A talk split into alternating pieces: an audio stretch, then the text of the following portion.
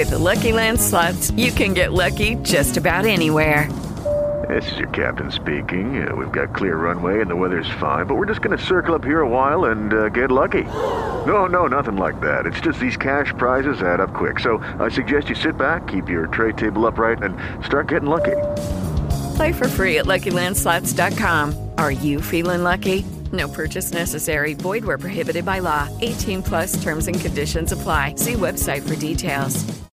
Lucky Land Casino asking people what's the weirdest place you've gotten lucky? Lucky? In line at the deli, I guess? Aha, in my dentist's office. More than once, actually. Do I have to say? Yes, you do. In the car before my kids' PTA meeting. Really? Yes. Excuse me, what's the weirdest place you've gotten lucky? I never win and tell. Well, there you have it. You can get lucky anywhere playing at LuckyLandSlots.com. Play for free right now. Are you feeling lucky? No purchase necessary. Void where prohibited by law. 18 plus. Terms and conditions apply. See website for details. Rap Ràdio presenta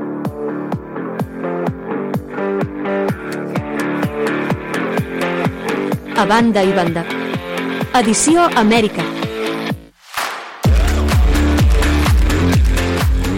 Benvinguts, benvingudes. Això és a banda i banda, edició Amèrica.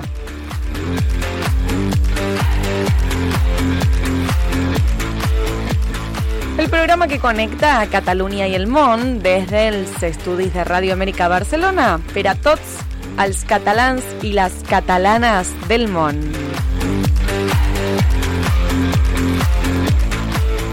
El meu nom, Mariel Lesnichevsky Boronat, i m'acompanya Rodrigo Alves des de Rio de Janeiro, Brasil. Benvingut, Rodrigo, t'he trobat a faltar i...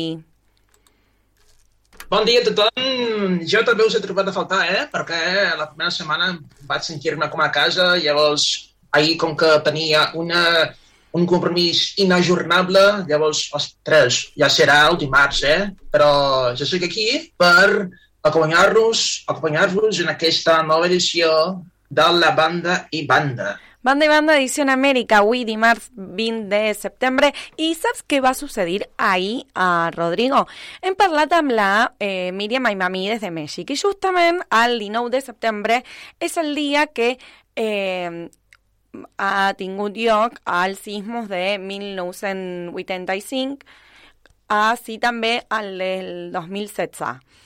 El temblor, el terratrèmol, els terratrèmols que van a succeir els dos al mateix dia, el 19 de setembre, ahir va a repetir-se un altre. I la Míriam Aimami, quan hem parlat al matí de Mèxic, va dir avui va ser l'aniversari d'aquesta situació dels terratrèmols de 1985 i del 2016. Eh, esperem que eh, avui no hi hagi una altra. Hi ha planificat uns... Um, simulacros. I justament després de parlar amb la Míriam Aimami, va tenir lloc un altre terratrèmol de 7,7 que eh, eh, per cent de, de temblor. Sí, és, és, són coses que... Bé, és molt difícil trobar una explicació, no? Justament, justament avui al matí Ivan Sunier de Montverda, el que fa la secció a Banda i Banda Edició Amèrica, va parlar una mica de eh, aquesta situació i justament, no, Rodrigo, on podrem trobar el programa a l'edició Europa com també la xerrada que hem tingut ahir amb la Míriam Aimami. On estan tots els programes de Ràdio Amèrica Barcelona? Clar, uh, la entrevista d'ahir, totes aquestes informacions tant de l'edició Europa quan de l'edició Amèrica les podrem trobar a tot arreu. A tot arreu, eh? Sí, a tot arreu, clar que sí. Clar, eh, primerament a la nostra pàgina web, rap.cat, al nostre compte Twitter, arroba oficial, a l'Instagram, Ràdio Amèrica Barcelona, al Facebook també, Ràdio Amèrica Barcelona, i a més a més a les nostres xarxes encara més conegudes, Spotify, SoundCloud, Amazon, Amazon Music, Apple Podcast i Google Podcast. dedicado a la que era l'àrees Google Podcast. Moltíssimes gràcies, Rodrigo. Tot aquesta xarxes que té Ràdio Amèrica Barcelona és perquè tu eh, puguis enviar molts missatges uh, durant tot el dia. I també avui, què, què parlarem avui, Rodrigo? Perquè avui hi ha un programa una mica movidito. I tant, tant, un programa molt, molt important. Bé, tots són, tots són importants igualment, però avui tindrem la presència de dues persones que tenen un, una presència, diguem-ne, més institucional, sí? Primerament, tindrem la presència de l'Hèctor Pujols. Es tracta d'un politòleg català que ha viscut un temps a Xile, sí? i a més a més, el cònsul xilè adjunt a Barcelona, que és el senyor Juan Cristol Marín, i amb qui parlarem de moltes coses, sobretot del procés constituent que, que va tenir lloc a Xile fa unes setmanes. Eh? Exactament, i també, com sempre, repassarem l'actualitat acompanyats de la Catalunya exterior. Avui anirem fins a l'Argentina. Rodrigo, si El teu país? Sí, sí. Res. Sí, sí, anirem fins a l'Argentina a veure amb qui anirem. Eh, Rodrigo, si et sembla bé, ara sí, amb tota la informació necessària per començar, sí, la hora que sí, crec que és moment de començar a banda i banda, Edició Amèrica. Som-hi! Rap Ràdio t'escolta. Fes-nos arribar les teves preguntes, reflexions i comentaris amb un missatge de veu al WhatsApp del 691 99 11 22. Amb el 34 davant si ets a Amèrica. 691 99 11 22. Rap Ràdio t'escolta. I ara sí, comencem amb l'actualitat del món. Anem cap a Amèrica per conèixer les notícies més destacades del continent. Avui anirem a l'Argentina. Quines dades hi ha de l'Argentina, Rodrigo? Bé, doncs és tot un honor, no?, parlar una mica del teu país. A veure si no dic cap bajanada, eh? Si les dic, ja em diràs, eh? Totalment, totalment. Abans... Perquè, a veure, ah, que... on està ubicat a l'Argentina? Doncs on? On? A Sud-amèrica, I, i tant que sí. Uh, és el vuitè país del món amb més superfície. El país de, de Lionel Messi és el vuitè país del món amb més, més superfície, sí? Uh, pel que fa a la seva població, té 3 milions d'habitants. Un bon Com a sistema parlamentari uh, està constituït com un govern republicà, democràtic, representatiu i federal. Exactament, amb 24 províncies justament distribuïdes a lo largo i a lo ancho del país. I a més, aquest, aquesta data me parece increïble. Uh, quants catalans van a residir a l'Argentina? Bé, n'hi ha molts, eh? N'hi ha molts. N'hi ha més de 32.000 catalans residents a l'Argentina, en una d'aquestes 24 províncies argentines. Eh? I justament I és... és el segon país amb més catalans a l'exterior. I aprofitem que si són 32.000 catalans, parlarem amb una i justament és del casal dels països catalans de La Plata. Estem parlant de la Rosita Torres. Rosita, bon dia, bona tarda, bon temps, com estàs? Bon dia, Rosita. Bon dia, bon dia per aquí, bon dia, Mariel i Rodrigo, s'escolta?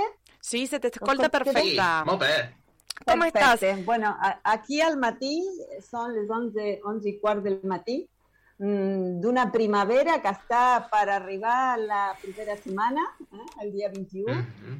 i ja, ja comença a fer bon temps i els arbres tenen ja les noves fulles i el dia és més llarg, que, que estem molt contents. Per Total, totalment. És el, jo crec que arriba, eh? És que, la, la estació... Plena d'energia. Es la estación más bonita. Y justamente, Rosita, uh, la gent va a celebrar hoy la, la arribada de la primavera perquè eh, també és el dia de l'estudiant, no? I a l'Argentina, com se celebra per ahí? El 21 de setembre, pues les escoles estan de festa. Eh, L'escola mèdia, el secundari, que ho diem aquí, no tenen classe. Els nois i noies surten a fer pícnic, eh, a fer música, balls i un dia recreatiu. I els més nanos, als col·legis, pues, també tenen un moment de, de celebració Clar. i es posen flors i fan ambientació dels, dels llocs i, i bueno, amb menjar i amb, i amb recreació. Així que és un dia molt, molt maco aquí. Rodrigo, al Brasil és el mateix?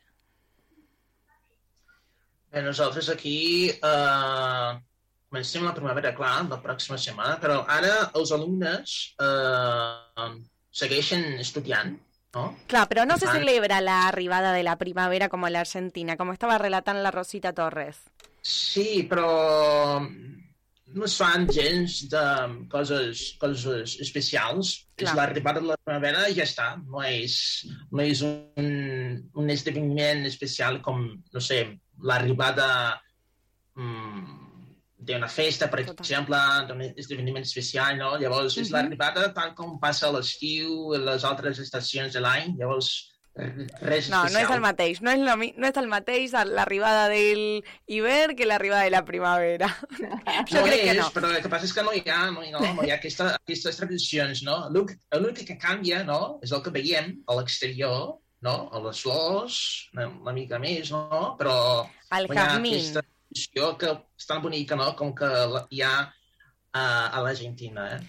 I Clar, Rosita.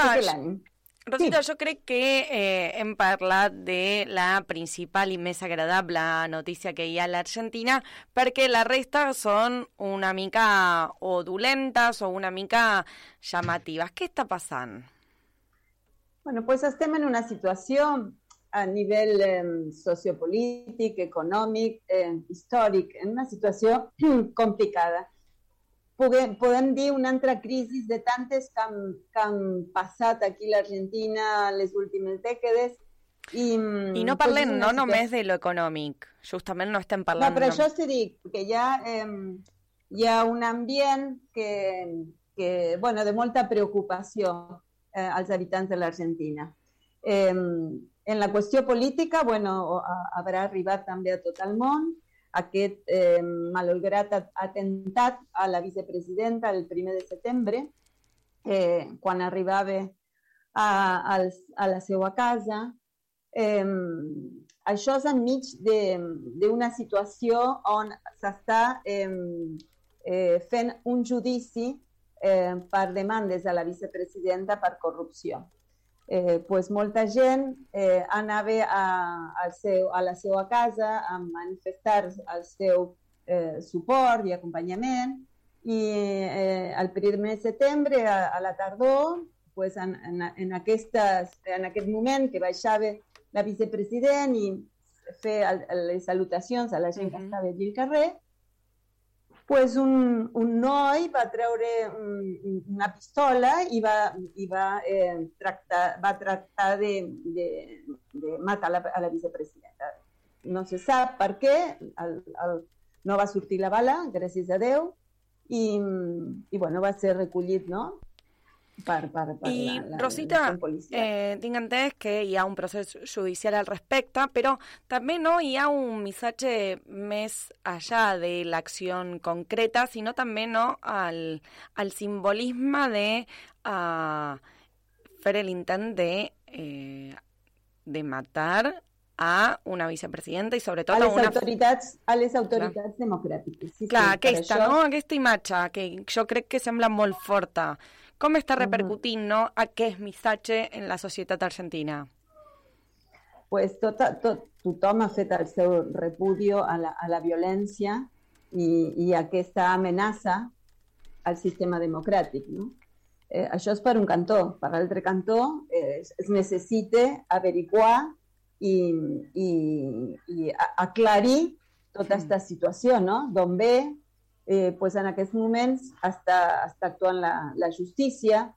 Eh, aparentment és una, una petita banda de, de, de gent jove buscant eh, justícia per mano pròpia, com diem, Clar. però bueno, encara, encara no, està, no està aclarit, cada, hi ha quatre persones I aquesta organització, organització no té relació amb un partit polític ni, ni sembla, no? Ara, per ara no.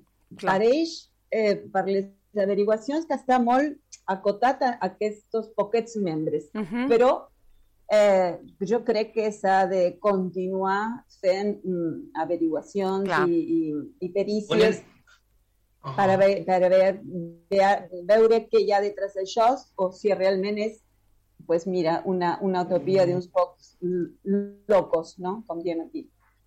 Sí, una de les poques informacions, una de les místiques al Brasil, no? és que aquest, aquest jove, aquest home, no? ell és d'origen brasiler. No? És, és fill d'argentí, xileno, però nascut a Brasil.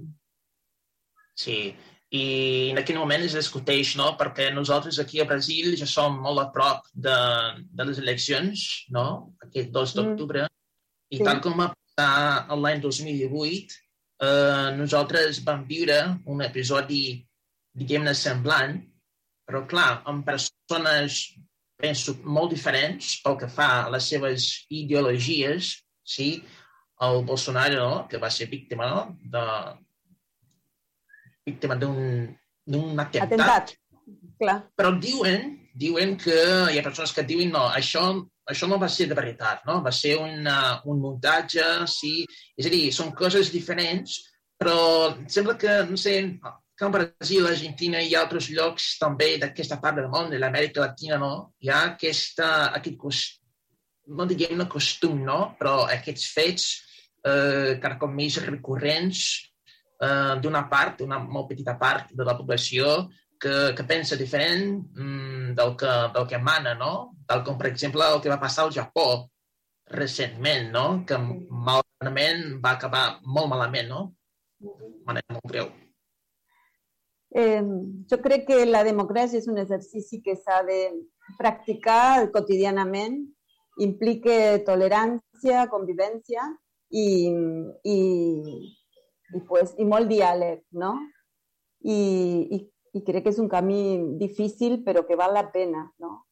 I eh, esperem, esperem que això es pugui aclarir i, i que, bueno, i prou d'aquests aconteciments que, que danyen tant a la democràcia. Sí, sí, sí. Ara, canviant una mica de tema, Rosita, eh, parlant una mica eh, de la presència catalana a, a l'Argentina. Impressiona, eh? Impressiona que, que hi hagi tants, tants catalans en un país. Jo eh, tot just parlava amb la Mariel, no? Que si fem una comparació entre l'Argentina i el Brasil, ostres, és impressionant, perquè al Brasil hi ha més de 210 milions de persones, però hi ha només, només unes 11-12 mil eh, persones catalanes que viuen al Brasil, sobretot a São Paulo. Però a l'Argentina no, un país molt més petit, no? si comparem el, el Brasil, perquè té una presència catalana molt més massiva, més important. Eh, I recentment van celebrar la Diada. Eh, com es va cele- va celebrar la Diada a l'Argentina, a les comunitats catalanes? pues mira, eh, molt bonic perquè a, a, aquest any han començat a fer reunions mensuals amb tots els canals, eh, casals del Consum. Eh, i, I això es fa que poguéssim comunicar-nos i compartir eh, cadascú le- les seues celebracions i les seues activitats.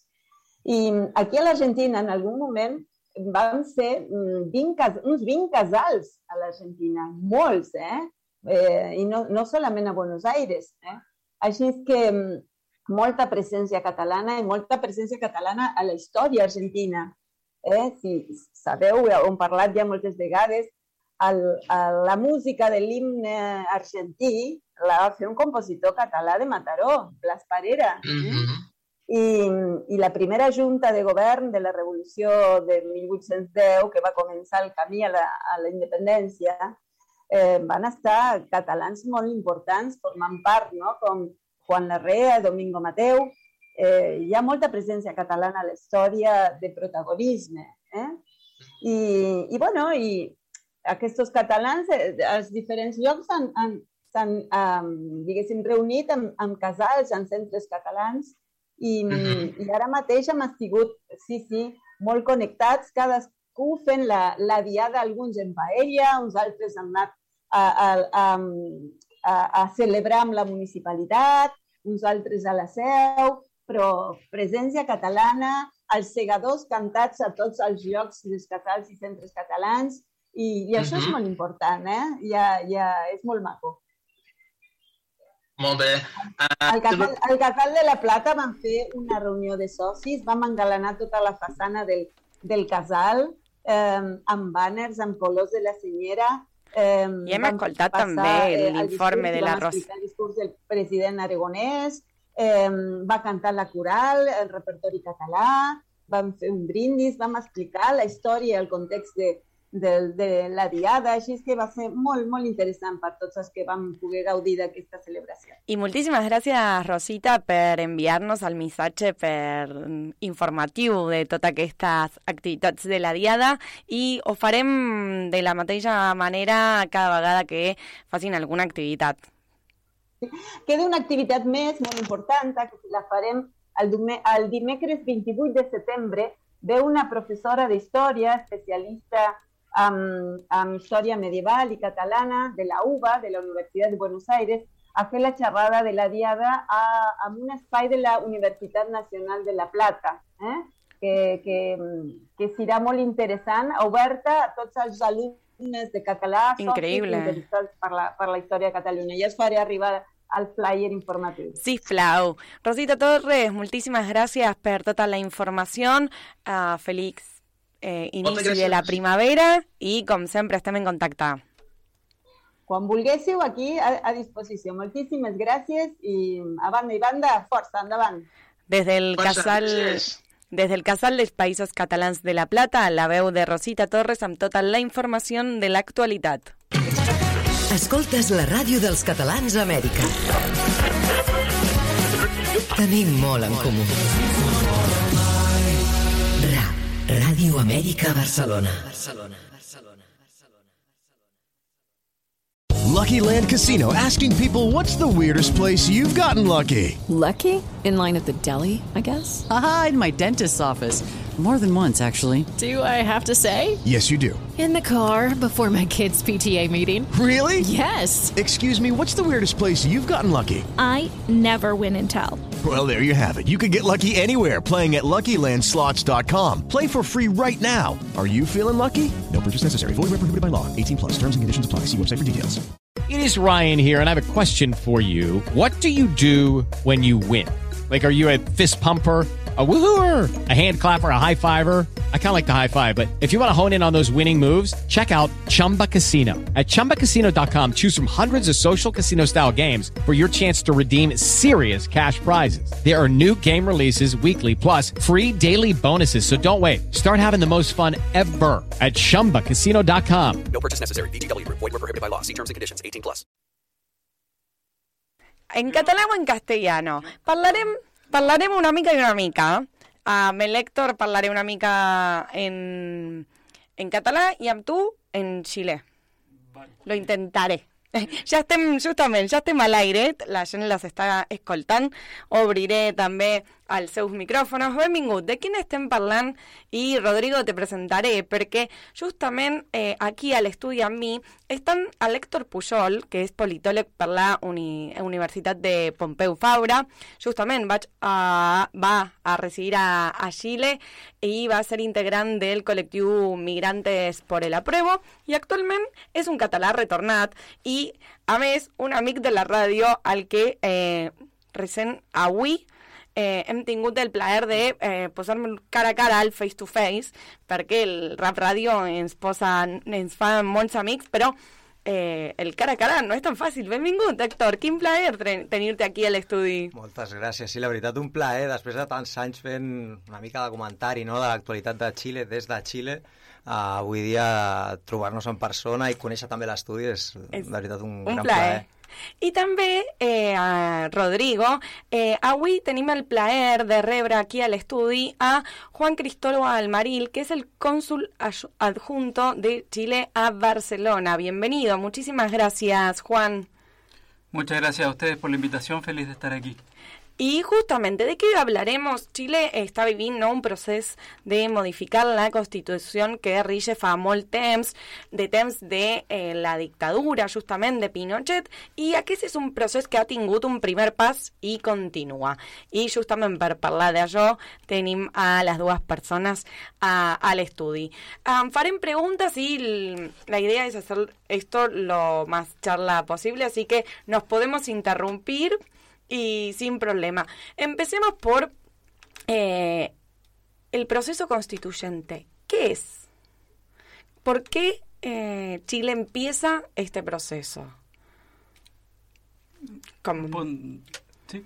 Claro, claro. Bueno, eh, como ustedes saben, en Chile hubo un fenómeno social que se le denominó el estallido social, el 2019, eh, con demandas de diverso tipo por parte de la ciudadanía, tuvieron eh, manifestaciones bastante importantes en el centro de Santiago, de nuestra ciudad, de nuestra capital. Y eso los partidos fueron manifestaciones en un inicio bastante inorgánicas, digámoslo así, de demandas genuinas de parte de la gente de diverso tipo. Inorgánica, referimos no sin un partido político. Claro, sin, sin, una cabeza visible que las articulara eh, detrás, digamos. Y eso los partidos o los movimientos políticos, eh, un poco para tratar de dar solución o encauzar este tema, eh, llegaron a un acuerdo para redactar una nueva constitución. Eso se sometió a un plebiscito en octubre del 2020 que, que por amplia mayoría determinó que, que, debería haber una nueva constitución eh, con un órgano elegido completamente eh, de manera democrática, integrado por, por ciudadanos que fueran electos.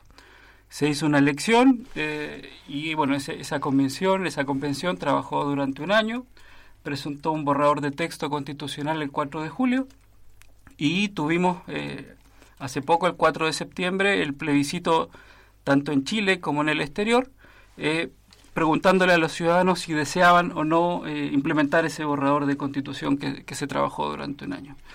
Eh, cabe señalar que en este proceso podían participar tanto los ciudadanos chilenos y extranjeros con residencia en Chile como los chilenos residentes en el exterior desde el año 2017 que Chile tiene implementado el voto para los chilenos que residen en el exterior y participaron en este proceso fuera de Chile aproximadamente 100.000 personas. En el caso nuestro de Barcelona, 100.000 eh, personas estaban habilitadas para participar. Claro. En el caso nuestro de Barcelona tenemos la circunscripción electoral más grande fuera de Chile. Teníamos 6.000 votantes habilitados para participar, de las cuales 4.000 efectivamente ejercieron ese derecho y debido al alto número de personas interesadas o, que viven chilenos en España, para esta elección también se abrió un lugar de votación en Valencia. Ahí había 1098 inscritos, de los cuales participó más o menos la mitad, 500 y para, bueno, aprovechando ¿no? por el camino que, que ha sido, eh, ahora, Héctor, eh, ampliamos por ahí desde, desde tu perspectiva, pero eh, esta gente que eh, es chilena, que vive aquí a Barcelona y que estaba interesada ¿no? en, votar. ¿Hubo alguna campaña de, información o cómo, cómo le llega a esta gente esta información, ya que vive lejos? Digo, uno tiene a sus familias, todo, pero ¿hay también alguna campaña desde la, el Estado como institución para la votación del exterior? Sí, claro, hay, hay diversas vías, digamos. Eh, de hecho, para votar en el extranjero o para votar en cualquier lugar de Chile, la persona tiene que estar registrada en ese lugar, modificar lo que nosotros denominamos el domicilio electoral. El Servicio Electoral de Chile y los consulados en ciertas fechas del año ponen a disposición esta posibilidad de cambiar tu domicilio electoral. tienes que manifestarlo explícitamente. En el caso de esas personas, eh, en fin, una vez que, que hicieran su cambio de domicilio electoral, quedaran habilitadas. Se hizo difusión nosotros como consulados, tanto por nuestras redes sociales como desde el Ministerio de Relaciones Exteriores en Chile, como la Dirección de Asuntos Consulares en Chile también y desde el propio Servicio Electoral.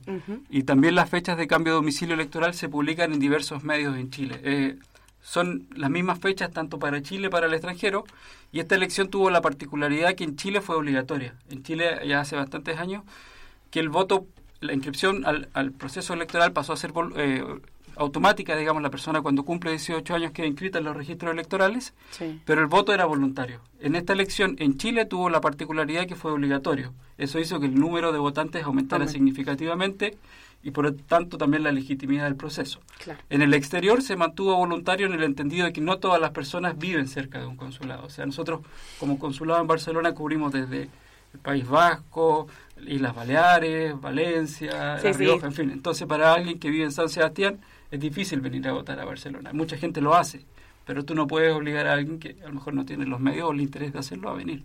Totalmente. Eh, en la Argentina yo tuve alguna situación así también de desplazarme.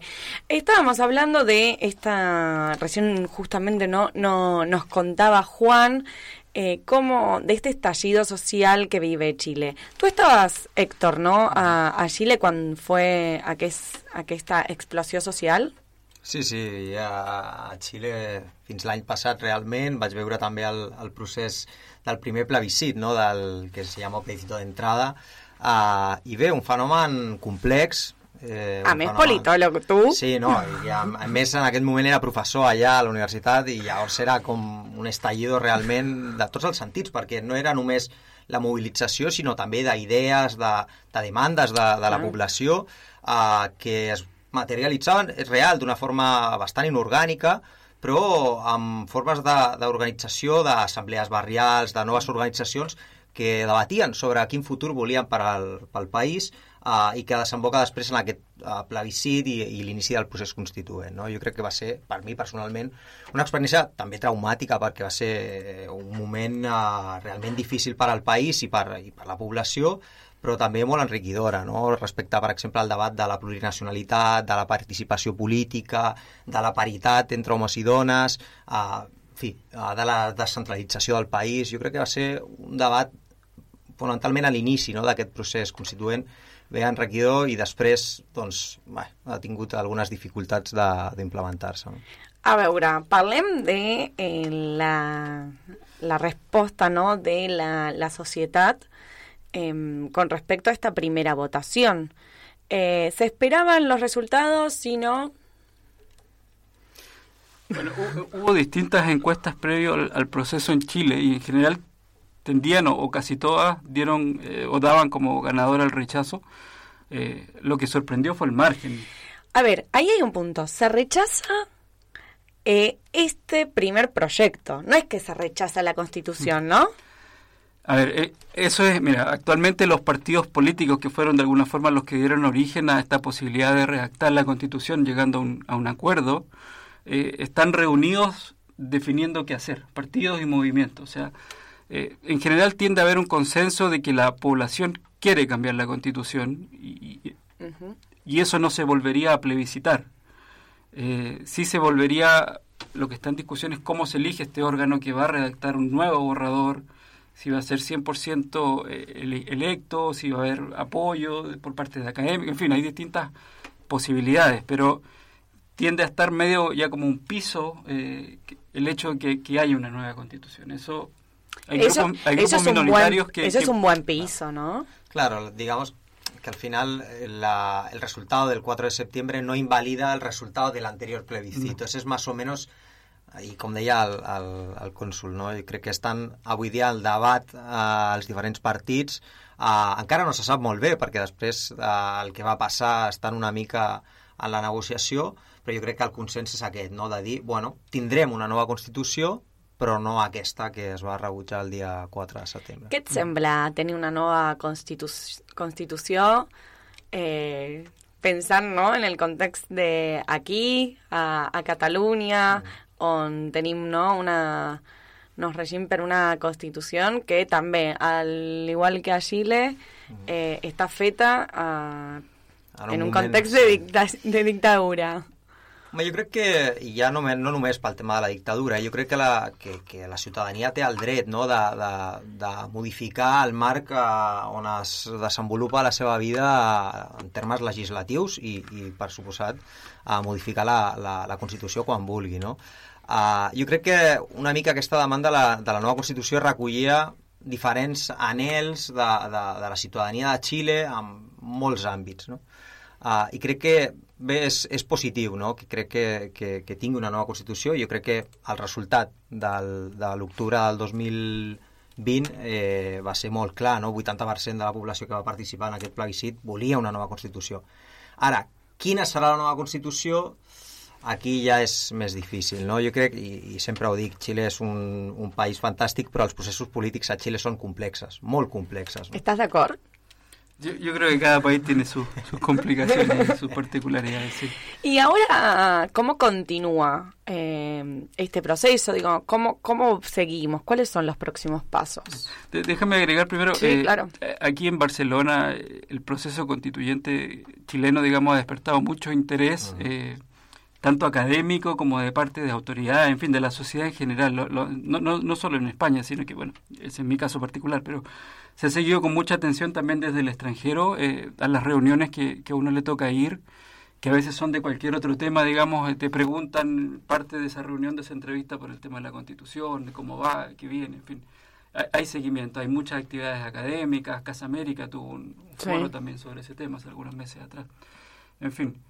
Y ahora eh, se tienen que poner de acuerdo los movimientos políticos en Chile, digamos, no, no es que hayan plazos estrictos ni definidos, es un proceso eh, abierto, si- sin márgenes rígidos todavía, y esa es la idea, que, que, logren ponerse de acuerdo en algo que sea mutuamente eh, aceptable por todos, digamos, para que tenga esa legitimidad necesaria para poder iniciar un nuevo proceso.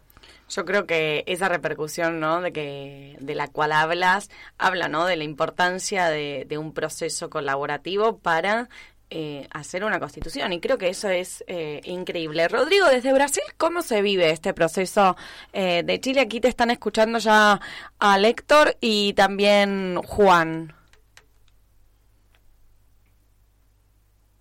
Eh, está el micrófono tancat. Ara, ara, ara. ¿Me, me escuchan? Sí, sí. Sí. Ah, bueno, con mucha expectación, ¿no? Con mucha atención.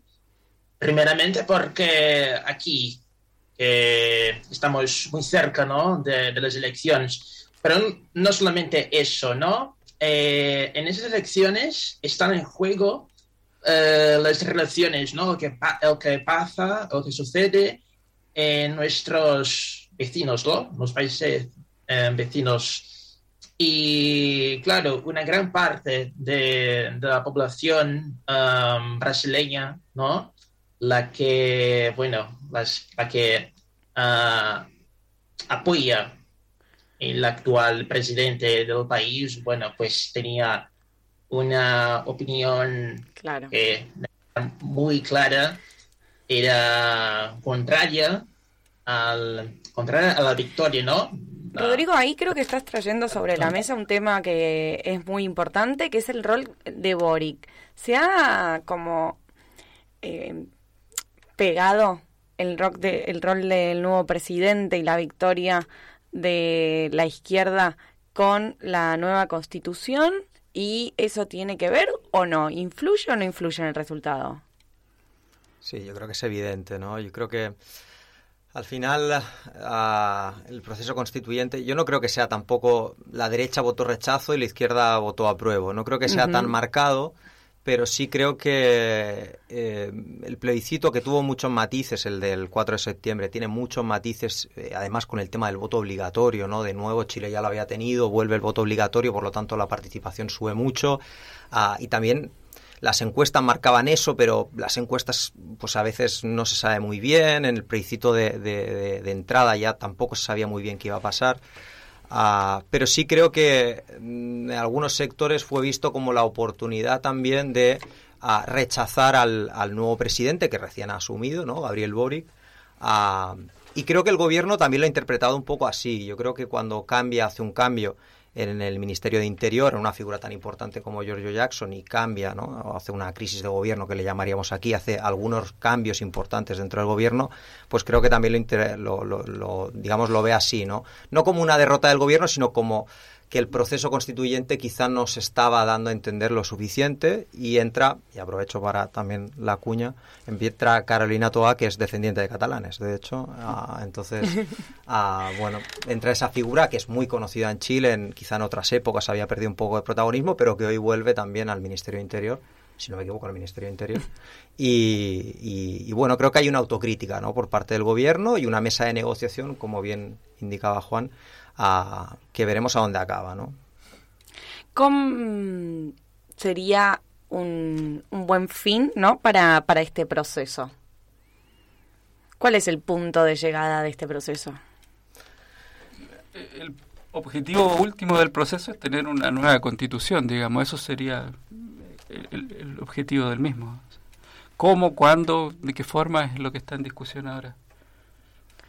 Sí, es, yo creo que es bien incierto. De hecho, tenían que haber tenido reunión, pero con el tema de fiestas patrias en Claro. Chile, que es como un poco. Ay, bueno, claro, paremos. feliz día, Sí. Liwit. Claro. Totalmente. Ah, Acabamos de tener nuestra nuestra celebración, hubo varias fondas que le llamamos nosotros de chilenos aquí en Barcelona, por cierto. Sí, sí, eh, multi, eh, moltíssims amics eh, xilens, però què, què és el 18?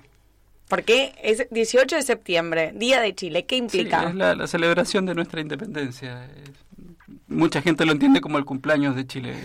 Ah, bien, me parece En- bien. en Es el cumpleaños de una- Es una gran celebración. Y, una y- gran y- y celebración. es la celebración probablemente más importante del año en Chile, digamos, ¿Y la- qué es- el- qué con el ambiente más festivo. ¿Qué se hace?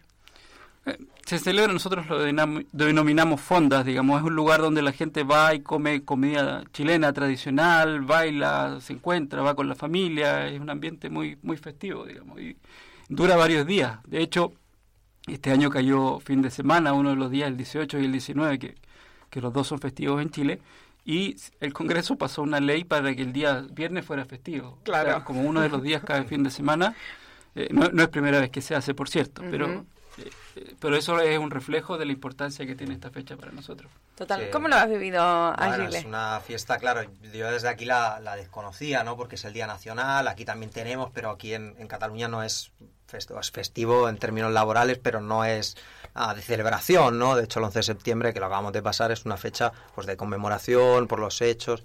ah, y claro, en Chile es totalmente diferente, ¿no? Yo lo comparaba un poco cuando me decían, bueno, que es, es similar a la Feria de Abril. No, No. como la- con la misma música, pero sí las casetas me recuerdan un poco, ¿no? El estilo de caseta, la celebración familiar. Y la verdad es que yo iba a las del Parque O'Higgins, que son como las tradicionales, ¿no? Donde de hecho bailan cueca la alcaldesa, en este caso de Santiago, con el presidente de la República. En- Yo creo que es tradicional, ¿verdad? Sí, sí, sí. Ah, y, y la verdad es que es un ambiente muy, muy bonito. A veces cae además entre semana y se alarga toda la semana. Entonces Claro. es fantástico. Sí, No, no, y, y- y el hecho que no se haya podido hacer como, como era costumbre por la pandemia, digamos, este año ya más normal o semi-normal, digamos, eh, posibilitó mayores aforos, retomar las fiestas del Parque O'Higgins, que eran las tradicionales, en fin. Se hacen asados, se junta la familia. eh, es, un, es un ambiente muy festivo, muy familiar. Y parte ¿no? del rol del consulado tiene que ver con trasladar un poco esa esencia a, aquí a, Barcelona. Eh, ¿Cuál es el, digo, la, la realidad de las personas chilenas residentes aquí a Barcelona? ¿En qué estado está? ¿Qué, se sabe? Eso es- es súper diverso, digamos, es bastante heterogéneo. Aquí hay gente que vive ya décadas, digamos, mucho tiempo, muchos chilenos también con doble nacionalidad, que tiene su vida, que ya tiene descendientes, que uno lo ve que van los hijos aquí nacidos en España a obtener el consulado la nacionalidad chilena, en fin, gente que está asentada en, en provincias o en lugares que uno dice, bueno, ¿de verdad hay un chileno? Sí, sí, hay. Eh, mucho estudiante también que viene eh, principalmente o de intercambio seis meses eh, durante el pregrado o viene a cursar una especialización, un máster, un doctorado. Las universidades de aquí tienen, tienen prestigio, digamos, tienen programas interesantes. Chile tiene programas también de financiamiento, de becas al extranjero, que son bastante competitivos. En fin, hay, hay mucho turista, hay gente que viene a trabajar por temporada. eh, Claro. eh, es bastante diverso el, el espectro, te diría. Y el rol del consulado con relación a esta gente es del asesoramiento, del acompañamiento. ¿Qué, qué servicios, podríamos decir, se, se ofrecen? Sí, bueno, los consulados son, son una oficina más bien administrativa, digamos, de donde la gente puede renovar sus pasaportes, sus cédulas de identidad, sus documentos, hacer una inscripción, ya sea cuando nace algún hijo de chileno fuera, inscribir una defunción, eh, otorgamos visas actualmente solamente a los turistas, que no es el caso de los españoles, pero sí hay extranjeros que viven en España que quieren ir a Chile como Ahí turistas. está. Ese- eh, y ahí iba a ir a la otra pregunta. Gente como Héctor, ¿no? Que decide ir a, a vivir un tiempo a Chile. ¿Puede Sí. ir al consulado? Mira, es que hubo un cambio, y, eh, pero la última actividad que hacemos importante es organizar las elecciones, que, que nos acaba de tocar, que es un hito también que nos ha marcado cuatro o cinco oportunidades en los últimos dos años. Claro. Chile tuvo un cambio en la ley migratoria eh, a contar de febrero de este año. Todas las visas de residente las ve el Servicio de Migración en Chile. O sea, todo el trabajo que antes antes los consulados llevábamos todas las visas de, de estudiantes, de residentes, de laborales. Ahora todas las que son visas eh, permanentes en Chile las ve el Servicio de Migración y se solicitan online y son visas electrónicas. Nosotros como consulado actualmente solamente vemos las visas de turistas para los países que necesitan visa para ir a Chile, digamos, nacionales de países. ¿Qué le hubieses preguntado al cónsul adjunto antes el de momento ir? de irme a Chile. Antes de ir, sí, sí. La verdad es que uno cuando va allí tiene una visión de un país, yo creo que como todo, ¿no? Vas a un país pensando que es una cosa y luego llegas y, y es otra totalmente diferente, ni mejor ni peor, solo que, que empiezas a conocer a la gente de allí, conoces el ambiente, ¿no? Ah, bueno, yo la verdad es que tengo mucho que agradecer a Chile, la verdad me dio las oportunidades que en ese momento mi país no me dio y, y bueno, me llevo muchos recuerdos y muchos amigos, ¿no? Entonces, bueno, solo para hablar de, de- de agradecimiento, la verdad. Viví momentos además, bueno, muy importantes, ¿no? Para el país. Ujú. la- el plebiscito, la, la revuelta, bueno, son elementos que desde luego no, no se olvidan fácilmente, ¿no? Entonces tengo mucho cariño, ¿no? Al país. Héctor, ahora sí. No, adelante. no, lo último es que eso, precisar que también va mucho mucho español, mucha gente de, de distintas comunidades del País Vasco, de Valencia, de, de aquí mismo, de Barcelona, de Cataluña, eh, a estudiar a universidades chilenas. Es un, es un flujo en, en- en los dos Inter- sentidos. En los sí, dos, sí. claro. Y hay una gran comunidad catalana y española en, en Chile de, de tradición, ¿no? Decía el caso de, de, de Toa, pero el propio presidente Boric tiene Sí. familia de origen catalán, ¿no? Entonces, apellidos Bueno. como Prat o Puig son apellidos muy, muy comunes, ¿no? En, o Font, como el propio presidente. Nosotros tenemos una sección aquí al programa de biografías, o sea, que hace un catalán residente a Chile, de biografías cruzadas de personas que han nacido aquí a, a Cataluña y fueron, o sea, se trasladaron pues, en algún proceso migratorio, normalmente en- después de la guerra civil, y construyeron su vida en Chile y hemos descubierto una cantidad de personajes increíbles. Y Juan, ahora vamos a hablar, Héctor, un poco de qué estás haciendo aquí de vuelta ya, que te sigo en las redes y tengo varias preguntas que hacerte, pero Juan, me gustaría hacerte una pregunta que le solemos hacer a las personas que viven fuera de, de su lugar natal. ¿Qué es lo que más extrañas? En el caso nuestro, eh, lo- los diplomáticos estamos fuera de Chile por cinco años y en Chile más o menos dos años. Y en el caso mío, por lo menos cuando vamos fuera de Chile, vamos como seteados, eh, programados, eh, que, que vamos cinco años. Por ahí hay pequeñas cosas, un, un chocolate en particular, o algún dulce, o algún producto del mar que aquí no lo hay, que son distintos. eh. La centollo, ¿no? El chupe de centollo. Yo también extraño ese. Son, son pequeñas cosas, digamos. En mi caso son como cositas eh, y, en momentos puntuales. No, no, no es- Aquí hemos, eh, la verdad que aquí la gente es muy acogedora y nos hemos sentido muy a gusto. Y también uno, yo creo que tiene que aprovechar de ver y de conocer lo que no hay también en tu país. O sea, tomarlo por el otro lado. No, no es tanto lo que me falta, sino lo que hay aquí o, qué puedo hacer desde acá, digamos. Que, que es Claro. mucho. España tiene lugares increíbles. ¿Y desafíos de, de lo que queda de la gestión desde el consulado?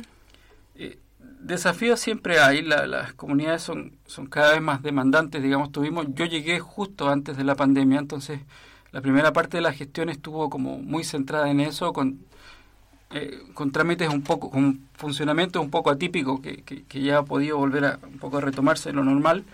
Tenemos un... eh, estamos un poco lentos en el sentido de que hay mucha gente pidiendo documentos de identidad y por ahí la demanda de renovación de documentos supera la velocidad nuestra, la velocidad que hemos podido, a pesar de que hemos subido un 40% en la cantidad de actuaciones que hacemos el año pasado versus los anteriores y previo a la pandemia, todavía tenemos, por ejemplo, para renovar tu pasaporte, actualmente vamos en enero del próximo Claro. año dando cita. Hay 1.500 personas que nos han pedido cita para renovar pasaporte y, y- y- y la verdad es que no damos abasto, digamos. Claro, Hemos- claro. Hemos implementado turnos adicionales, tenemos dos estaciones de, de pasaporte, somos de los pocos consulados de Chile que, que funcionan de esa forma, pero aún así, eso es como un desafío que estamos junto con el Ministerio tratando de, de ver cómo lo, cómo lo llevamos adelante.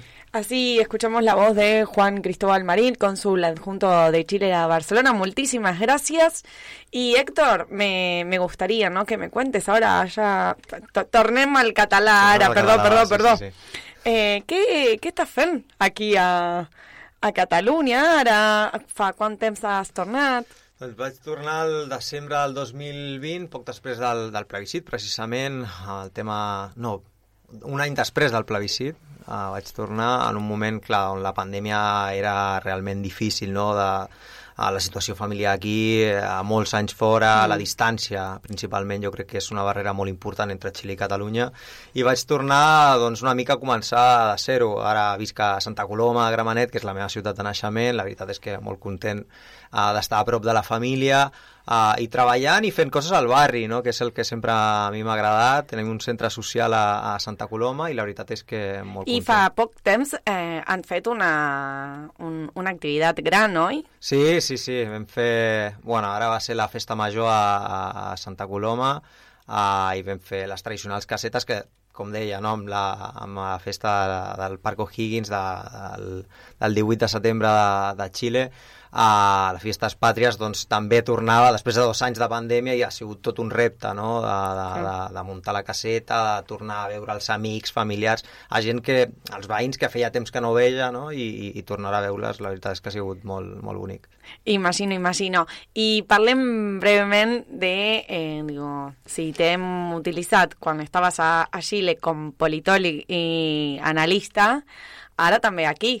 Què et sembla? No Què sé, és a que mi està m'encantaria, la veritat és que seria fantàstic, no? I comencem ara. Què està passant a Catalunya? Hòstia, què està passant a Catalunya? Uf, A veure. Doncs, doncs Catalunya, Cata- deia no, que Xile és un país meravellós, amb un procés uh, complex, a Catalunya també, no? Aquest és un punt que jo crec que ens uneix bastant, no? Catalunya està Cadascú situació- amb el seu conflicte, sí, oi? realment sí, no? Uh, jo crec que Catalunya estem en una situació, jo crec que una mica difícil, no? Uh, crec que encara, i a les portes de l'1 d'octubre, crec que encara doncs, colea no? el tema de, del plebiscit frustrat o d'aquest referèndum de l'1 d'octubre que va acabar com acabar i, i, i que no es troba una solució al, al conflicte polític que encara es viu a Catalunya. No? És evident que hi ha una majoria a Catalunya que vol el dret a autodeterminació però ha d'haver una negociació. Jo crec que aquest és el punt eh, i veurem com arriba. No? Jo crec que estem una mica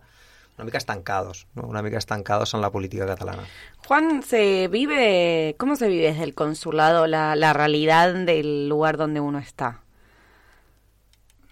Eh, como, como destinado acá, uno tiene que insertarse, digamos, y mira, el- el- en general el consulado ve temas de los chilenos y de los extranjeros con intereses en Chile. Nosotros tenemos nuestra vinculación con, con personalidades de acá, pero sie- siempre estamos atentos al contexto también, porque eso nos permite de alguna forma desarrollarnos. Pero nosotros no tenemos un rol eh, político de Claro. alguna forma como si Mm. lo tienen las embajadas. Total. Claro, ahí no está la diferencia entre embajada y consulado. Sí, las embajadas son las que llevan las relaciones políticas, económicas en distintas áreas o temas de interés con los países. Los consulados no, los consulados llevan, se preocupan de sus nacionales o de los extranjeros que tienen interés en el país. Entonces, tienen un poquito de aproximaciones y funciones distintas. Muy bien, eh, estamos cerrando ya la conversación. Sí, para finalizar yo quisiera pasar un, un pequeño mensaje que, que el primero de octubre se vuelve a abrir lo que es el cambio de domicilio electoral en Chile. Hay mucha gente que, eh, que, que no, por ahí no alcanzó a cambiar su domicilio y quedó fuera de poder votar. Eh, se vuelve a abrir el primero de octubre. Nosotros los estamos informando por nuestras redes sociales, tanto en la página del CERVEL como a través del consulado. ¿Cómo son las páginas y la red social de- del consulado? Eh, tenemos red en Facebook y en Twitter. Básicamente Facebook es la que usamos para pasar más información porque permite un mayor número de caracteres, tan simple como eso. O bien mandándonos un correo a barcelona.consulado.gov con Y puedo asegurar que respondan. Doy fe. que Sí, es muy sí. importante. Tenemos mucha demanda de correo, pero los contestamos. Muy bien. Así escuchamos a Juan Cristóbal Maril, cónsul adjunto de Chile aquí a Barcelona. Muchísimas gracias, Juan. Y eh, la radio abierta para cuando deseen venir a, a contar, a explicar o hablar con la comunidad eh, chilena. Y Héctor, un placer conocerte. Sí, no, igualmente, la verdad es que A ti también te espero, años- eh? Hombre, ojalá, claro. Sisplau, torna, torna i parlem de les activitats a, a Santa Coloma, parlem i analitzem també una mica la, la política. ¿Está todavía Rodrigo per allí? Rodrigo de Rodrigo... Hola. Hola, Rodrigo. Ara sí, justament sí. nosaltres eh, ja estem molt a prop de tancar el programa. Eh, què t'ha semblat, no?, aquesta conversa des de allí. Doncs un, un aprenentatge, un aprenentatge. Estava oient, oient, amb dos parlant i bé, són totes aquestes informacions que ens comprendre, comprendre no? una mica millor el que, el que passa els veïns, veïns, veïns, no? Sí. no? I, I sobretot aquest intercanvi de, de, de visions de món, no? Que, que hi ha a Xile, que, que potser que tinguin els xilens que, que viuen a Catalunya, i és molt important també no? que aquests xilens eh, a Catalunya, encara que visquin a un territori, a un lloc eh, lluny del seu país, Sí. també tenen l'ocasió de, de participar, de dir la seva, d'expressar eh, la seva opinió sobre el que passa al seu país. Molt agraït, gràcies a tots dos.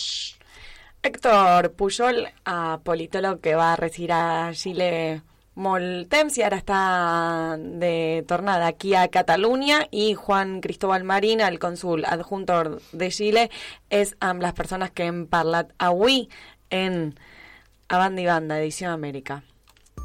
Rap Ràdio t'escolta. Fes-nos arribar les teves preguntes, reflexions i comentaris amb un missatge de veu al WhatsApp del 691 99 11 22. amb el 34 davant si ets a Amèrica. 691 99 11 22. Rap Ràdio Escoltes la ràdio dels catalans a Amèrica. Tenim molt en comú. Radio América Barcelona. Barcelona. Eh, queridísimo Rodrigo Alves, no sí, hi Temps. No hi ha més temps. Eh, Diguéssim ten... però i està l'actualitat, no?, tan rica d'informacions amb les quals sempre podem aprendre no? i conèixer, no? conèixer l'actualitat que, que és al nostre voltant. Totalment, No? i aquesta informació la podràs tornar a escoltar en la repetició de l'edició Amèrica de Banda i Banda, que a quina hora és? Precisament l'edició europea eh, de les 11 a la mitjanit, hora catalana, edició Amèrica de la mitjanit a la 1 de la matinada. I també en totes nostres plataformes trobaràs a el podcast d'aquest programa. Ja la sabeu, ja les coneixeu. Al nostre Twitter, arroba Ràdio Oficial, Ràdio Oficial, eh? A l'Instagram, Ràdio Amèrica Barcelona, al Facebook, també Ràdio Amèrica Barcelona, i al nostre Twitch. Moltes gràcies a vosaltres que ens seguiu. I, clar, a les plataformes Spotify, SoundCloud, Amazon Music, Apple Podcasts and Google Podcasts. Rodrigo, un plaer, com sempre, trobar-nos aquí a Ràdio Amèrica Barcelona, l'edició Amèrica del magazine oficial. I si parlem d'eleccions, atenció, eh, que el diumenge hi ha eleccions molt importants a Latinoamèrica. Rodrigo, no te m'escapes, eh, que tindrem que parlar Aquest, molt. No, aquest diumenge no. El, el, El el proper, al, a l'altre. Sí. Aquest diumenge El hi ha també a referèndum, referèndum a Cuba. Parlarem també d'això. Rodrigo, fins demà, un plaer. Fins demà, gràcies a tots, una abraçada. A Banda i Banda. Edició Amèrica.